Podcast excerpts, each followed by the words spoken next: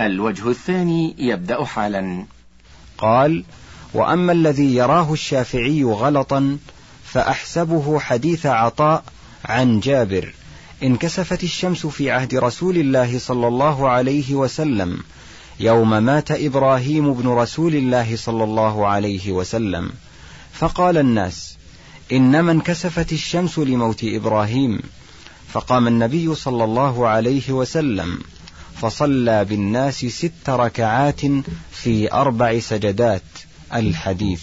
قال البيهقي من نظر في قصة هذا الحديث وقصة حديث أبي الزبير علم أنهما قصة واحدة وأن الصلاة التي أخبر عنها إنما فعلها مرة واحدة وذلك في يوم توفي ابنه إبراهيم عليه السلام. قال ثم وقع الخلاف بين عبد الملك يعني ابن أبي سليمان عن عطاء عن جابر وبين هشام الدستوائي عن أبي الزبير عن جابر في عدد الركوع في كل ركعة.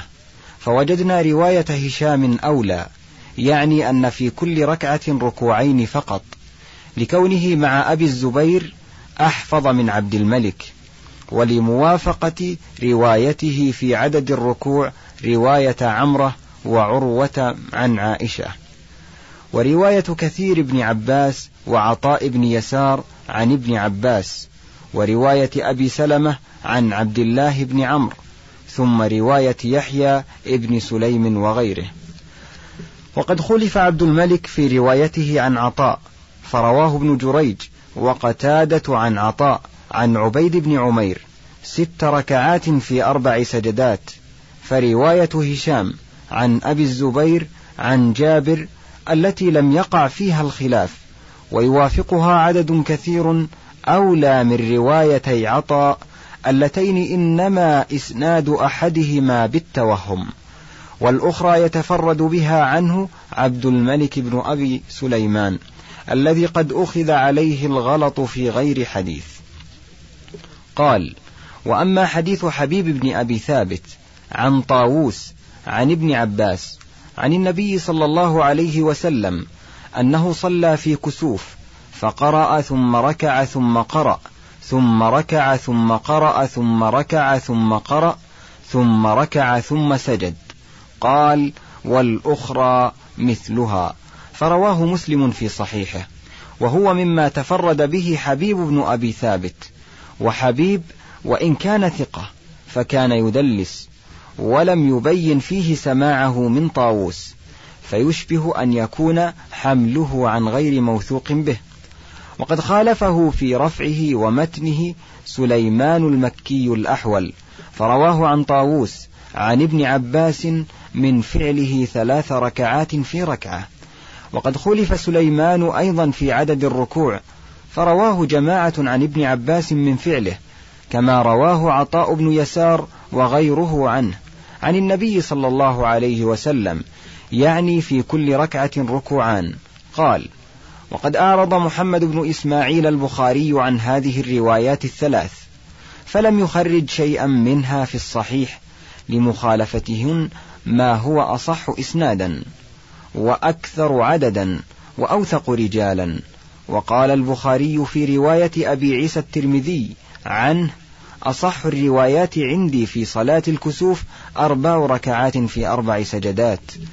قال البيهقي وروي عن حذيفة مرفوعا أربع ركعات في كل ركعة وإسناده ضعيف. وروي عن أبي بن كعب مرفوعا خمس ركوعات في كل ركعة وصاحب الصحيح لم يحتج بمثل إسناد حديثه.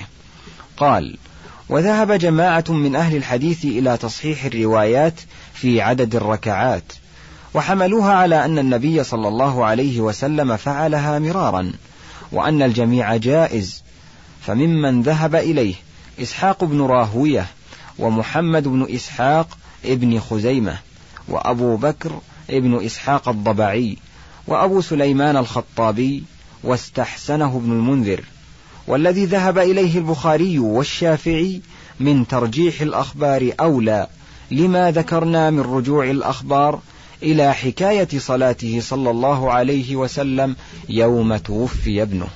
قلت والمنصوص عن أحمد أيضا أخذه بحديث عائشة وحده في كل ركعة ركوعان وسجودان. قال في رواية المروزي وأذهب إلى أن صلاة الكسوف أربع ركعات وأربع سجدات في كل ركعة ركعتان وسجدتان. وأذهب إلى حديث عائشة. أكثر الأحاديث على هذا. وهذا اختيار أبي بكر وقدماء الأصحاب. وهو اختيار شيخنا أبي العباس بن تيمية. وكان يضعف كل ما خالفه من الأحاديث. ويقول هي غلط. وإنما صلى النبي صلى الله عليه وسلم الكسوف مرة واحدة يوم مات ابنه إبراهيم. والله أعلم. وأمر صلى الله عليه وسلم في الكسوف بذكر الله والصلاة والدعاء والاستغفار والصدقة والعتاقة. والله أعلم. فصل في هديه صلى الله عليه وسلم في الاستسقاء. ثبت عنه صلى الله عليه وسلم أنه استسقى على وجوه أحدها يوم الجمعة على المنبر في أثناء خطبته وقال اللهم أغثنا اللهم أغثنا اللهم أغثنا اللهم اسقنا اللهم اسقنا اللهم اسقنا. الوجه الثاني أنه صلى الله عليه وسلم وعد الناس يوما يخرجون فيه إلى المصلى فخرج لما طلعت الشمس متواضعا متبذلا متخشعا مترسلا متضرعا. فلما وافى المصلى صعد المنبر إن صح وإلا ففي القلب منه شيء. فحمد الله وأثنى عليه وكبره وكان مما حفظ من خطبته ودعائه. الحمد لله رب العالمين الرحمن الرحيم مالك يوم الدين لا إله إلا الله يفعل ما يريد. اللهم أنت الله لا إله إلا أنت تفعل ما تريد. اللهم لا إله إلا أنت أنت الغني ونحن الفقراء أنزل علينا الغيث واجعل ما أنزلته علينا قوة لنا وبلاغا إلى حين. ثم رفع يديه وأخذ في التضرع والابتهال والدعاء وبالغ في الرفع حتى بدا بياض إبطيه. ثم حول إلى الناس ظهره واستقبل القبلة وحول إذ ذاك رداءه وهو مستقبل القبلة. فجعل الأيمن على الأيسر والأيسر على الأيمن وظهر الرداء لبطنه وبطنه لظهره وكان الرداء خميصة سوداء. وأخذ في الدعاء مستقبل القبلة والناس كذلك. ثم نزل فصلى بهم ركعتين كصلاة العيد من غير أذان ولا إقامة ولا نداء البتة. جهر فيهما بالقراءة. وقرأ في الأولى بعد فاتحة الكتاب سبح اسم ربك الأعلى. وفي الثانية هل أتاك حديث الغاشية؟ الوجه الثالث أنه صلى الله عليه وسلم استسقى على منبر المدينة استسقاء مجردا في غير يوم جمعة ولم يحفظ عنه صلى الله عليه وسلم في هذا الاستسقاء صلاة. الوجه الرابع أنه صلى الله عليه وسلم استسقى وهو جالس في المسجد فرفع يديه ودعا الله عز وجل فحفظ من دعائه حينئذ اللهم اسقنا غيثا مغيثا مريعا طبقا عاجلا غير رائث نافعا غير ضار. الوجه الخامس أنه صلى الله عليه وسلم استسقى عند أحجار الزيت قريبا من الزوراء وهي خارج باب المسجد الذي يدعى اليوم باب السلام نحو قذفة حجر ينعطف عن يمين الخارج من المسجد. الوجه السادس أنه صلى الله عليه وسلم استسقى في بعض غزواته لما سبقه المشركون إلى الماء فأصاب المسلمين العطش فشكوا إلى رسول الله صلى الله عليه وسلم. وقال بعض المنافقين لو كان نبيا لاستسقى لقومه كما استسقى موسى لقومه فبلغ ذلك النبي صلى الله عليه وسلم فقال أو قد قالوها عسى ربكم أن يسقيكم. ثم بسط يديه ودعا فما رد يديه من دعائه حتى أظلهم السحاب وأمطروا فأفعم السيل الوادي فشرب الناس فارتووا. وحفظ من دعائه في الاستسقاء اللهم اسق عبادك وبهائمك وانشر رحمتك وأحي بلدك الميت. اللهم اسقنا غيثا مغيثا مريئا مريعا نافعا غير ضار عاجلا غير آجل. وأغيث صلى الله عليه وسلم في كل مرة استسقى فيها. واستسقى مرة. فقام إليه أبو لبابة فقال يا رسول الله إن التمر في المرابد. فقال رسول الله صلى الله عليه وسلم اللهم اسقنا حتى يقوم أبو لبابة عريانا فيسد ثعلب مربده بإزاره فأمطرت. فاجتمعوا إلى أبي لبابة فقالوا إنها لن تقلع حتى تقوم عريانا فتسد ثعلب مربدك بإزارك. كما قال رسول الله صلى الله عليه وسلم ففعل فاستهلت السماء. ولما كثر المطر سألوه الاستصحاء فاستصحى لهم وقال اللهم حوالينا ولا علينا اللهم على الآكام والجبال والضراب وبطون الأودية ومنابت الشجر. وكان صلى الله عليه وسلم إذا رأى مطرا قال اللهم صيبا نافعا. وكان يحسر ثوبه حتى يصيبه من المطر. فسئل عن ذلك فقال لأنه حديث عهد بربه. قال الشافعي رحمه الله أخبرني من لا أتهم عن يزيد بن الهاد. أن النبي صلى الله عليه وسلم كان إذا سال السيل قال اخرجوا بنا إلى هذا الذي جعله الله طهورا فنتطهر منه ونحمد الله عليه. وأخبرني من لا أتهم عن إسحاق بن عبد الله أن عمر كان إذا سال السيل ذهب بأصحابه إليه وقال ما كان ليجيء من مجيئه أحد إلا تمسحنا به. وكان صلى الله عليه وسلم إذا رأى الغيم والريح عرف ذلك في وجهه فأقبل وأدبر فإذا أمطرت سري عنه وذهب عنه ذلك وكان يخشى أن يكون فيه العذاب. قال الشافعي وروي عن سالم بن عبد الله عن أبيه مرفوعا أنه كان إذا استسقى قال اللهم اسقنا غيثا مغيثا هنيئا مريئا مريعا غدقا مجللا عاما طبقا سحا دائما. اللهم اسقنا الغيث ولا تجعلنا من القانطين. اللهم إن بالعباد والبلاد والبهائم والخلق من من اللأواء والجهد والضنك ما لا نشكوه إلا إليك. اللهم أنبت لنا الزرع وأدر لنا الضرع واسقنا من بركات السماء وأنبت لنا من بركات الأرض. اللهم ارفع عنا الجهد والجوع والعري واكشف عنا من البلاء ما لا يكشفه غيرك. اللهم إنا نستغفرك إنك كنت غفارا فأرسل السماء علينا مدرارا. قال الشافعي رحمه الله وأحب أن يدعو الإمام بهذا. قال وبلغني أن النبي صلى الله عليه وسلم كان إذا دعا في الاستسقاء رفع يديه.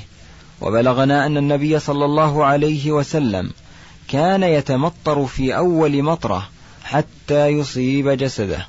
قال وبلغني أن بعض أصحاب النبي صلى الله عليه وسلم كان إذا أصبح وقد مطر الناس قال مطرنا بنوء الفتح. ثم يقرأ ما يفتح الله للناس من رحمة فلا ممسك لها. قال وأخبرني من لا أتهم عن عبد, عن عبد العزيز بن عمر عن مكحول عن النبي صلى الله عليه وسلم أنه قال اطلبوا استجابة الدعاء عند التقاء الجيوش وإقامة الصلاة ونزول الغيث.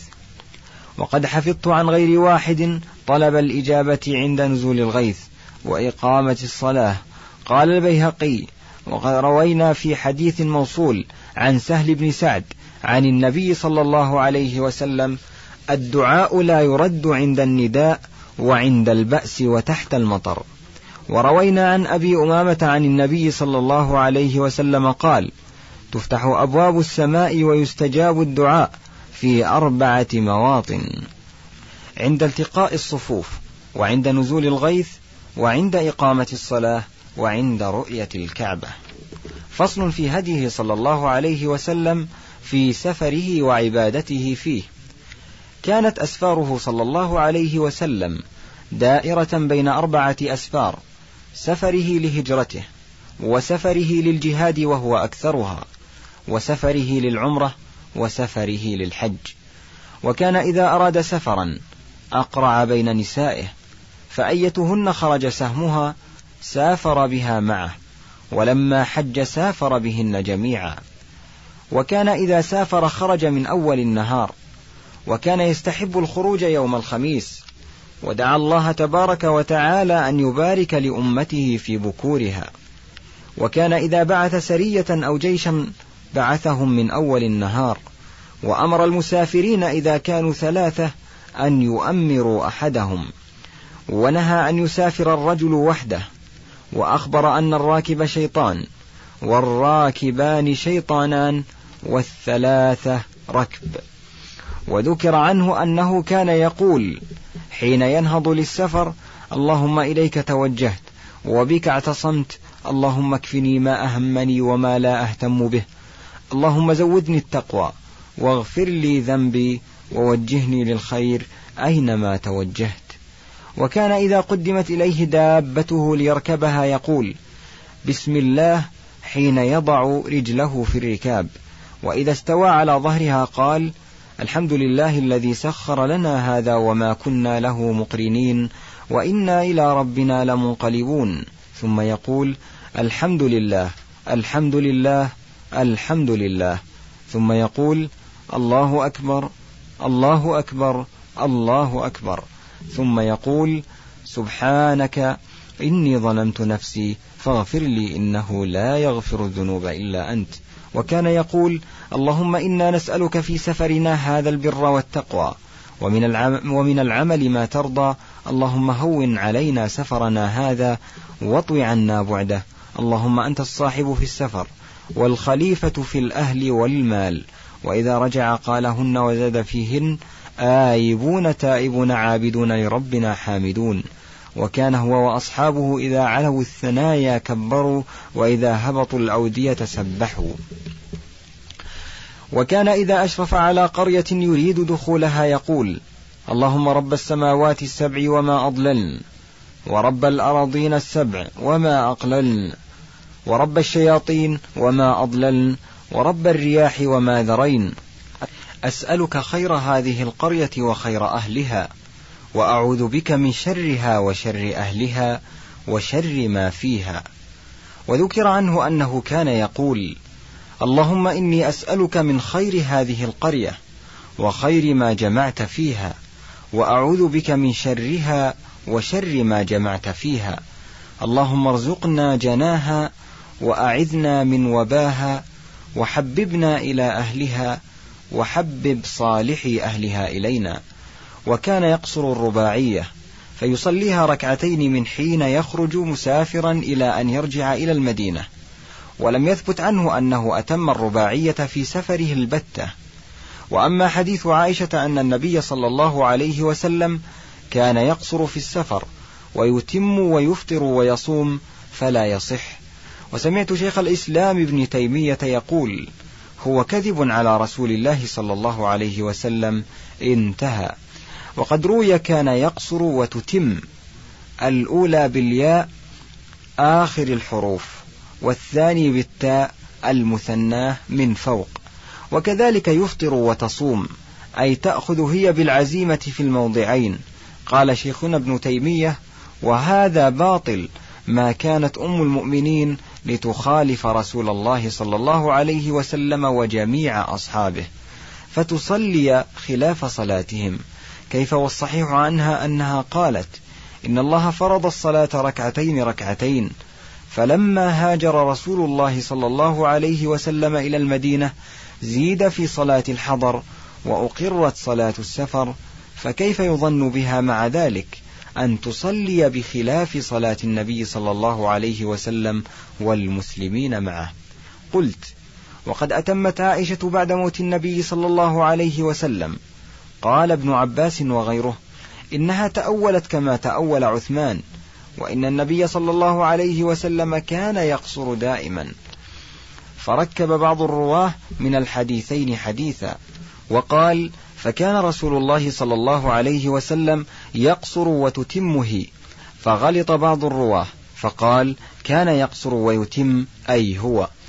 والتأويل الذي تأولته قد اختلف فيه فقيل ظنت أن القصر مشروط بالخوف في السفر. فإذا زال الخوف زال سبب القصر وهذا التأويل غير صحيح.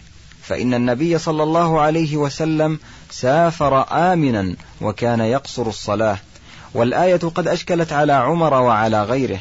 فسأل عنها رسول الله صلى الله عليه وسلم فأجابه بالشفاء وأن هذا صدقة من الله وشرع شرعه للأمة وكان هذا بيان أن حكم المفهوم غير مراد وأن الجناح مرتفع في قصر الصلاة عن الآمن والخائف وغايته أنه نوع تخصيص للمفهوم أو رفع له.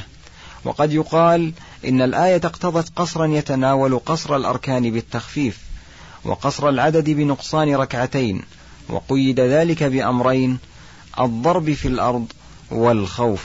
فإذا وجد الأمران أبيح القصران فيصلون صلاة الخوف مقصورة عددها وأركانها. وإن انتفى الأمران فكانوا آمنين مقيمين.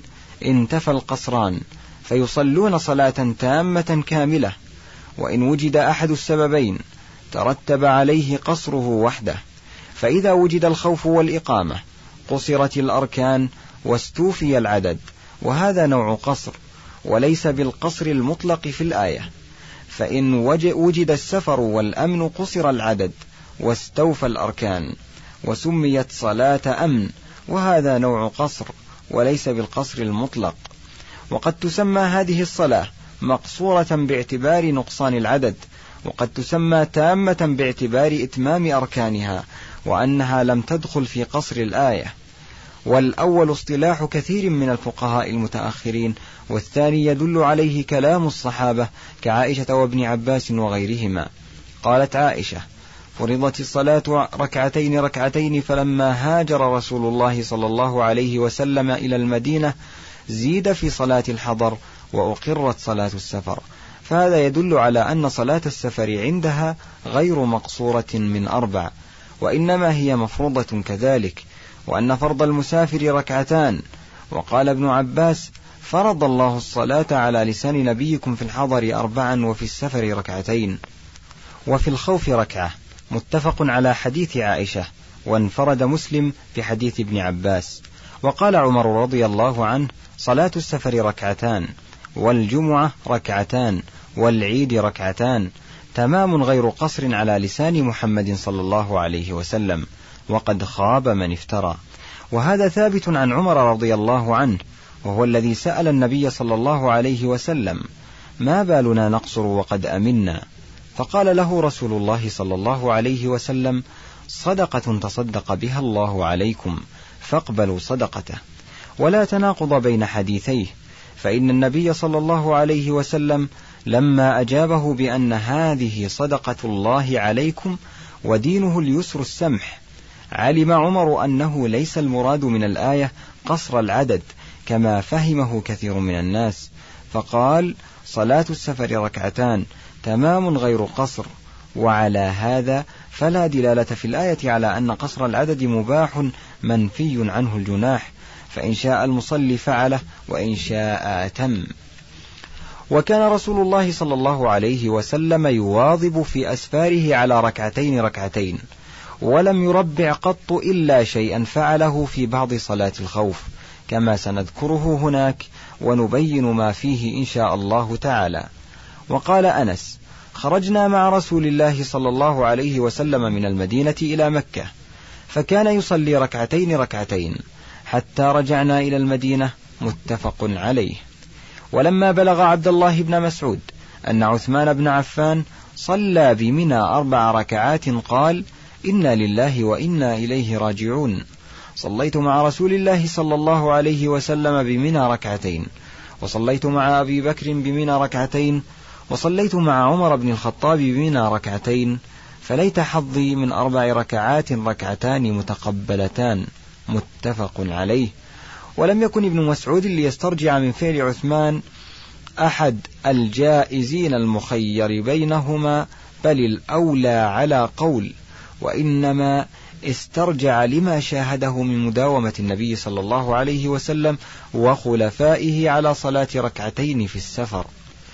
وفي صحيح البخاري عن ابن عمر رضي الله عنه قال: صحبت رسول الله صلى الله عليه وسلم فكان في السفر لا يزيد على ركعتين وأبا بكر وعمر وعثمان يعني في صدر خلافة عثمان وإلا فعثمان قد أتم في آخر خلافته وكان ذلك أحد الأسباب التي أنكرت عليه.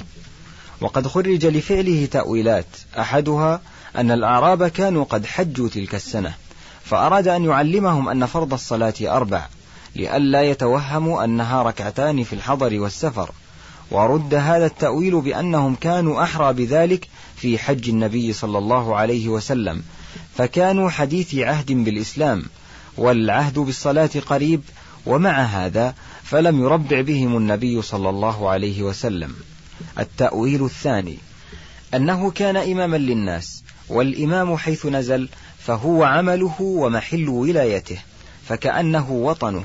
ورد هذا التأويل بأن إمام الخلائق على الإطلاق رسول الله صلى الله عليه وسلم كان هو أولى بذلك وكان هو الإمام المطلق ولم يربع. التأويل الثالث أن منى كانت قد بنيت وصارت قرية كثر فيها المساكن في عهده. ولم يكن ذلك في عهد رسول الله صلى الله عليه وسلم بل كانت فضاء. ولهذا قيل له يا رسول الله ألا نبني لك بمنى بيتا يظلك من الحر؟ فقال لا منى مناخ من سبق. فتأول عثمان أن القصر إنما يكون في حال السفر. ورد هذا التأويل بأن النبي صلى الله عليه وسلم أقام بمكة عشرا يقصر الصلاة. التأويل, التأويل الرابع أنه أقام بها ثلاثا. وقد قال النبي صلى الله عليه وسلم يقيم المهاجر بعد قضاء نسكه ثلاثا فسماه مقيما. والمقيم غير مسافر.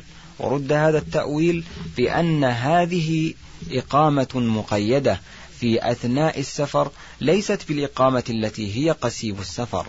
وقد أقام النبي صلى الله عليه وسلم بمكة عشرا يقصر الصلاة وأقام بمنى بعد نسكه أيام الجمار الثلاث يقصر الصلاة. التأويل الخامس أنه كان قد عزم على الإقامة والاستيطان بمنى واتخاذها دار الخلافة فلهذا أتم ثم بدا له أن يرجع إلى المدينة وهذا التأويل أيضا مما لا يقوى. فإن عثمان رضي الله عنه من المهاجرين الأولين وقد منع صلى الله عليه وسلم المهاجرين من الإقامة بمكة بعد نسكهم ورخص لهم في ثلاثة أيام فقط فلم يكن عثمان ليقيم بها.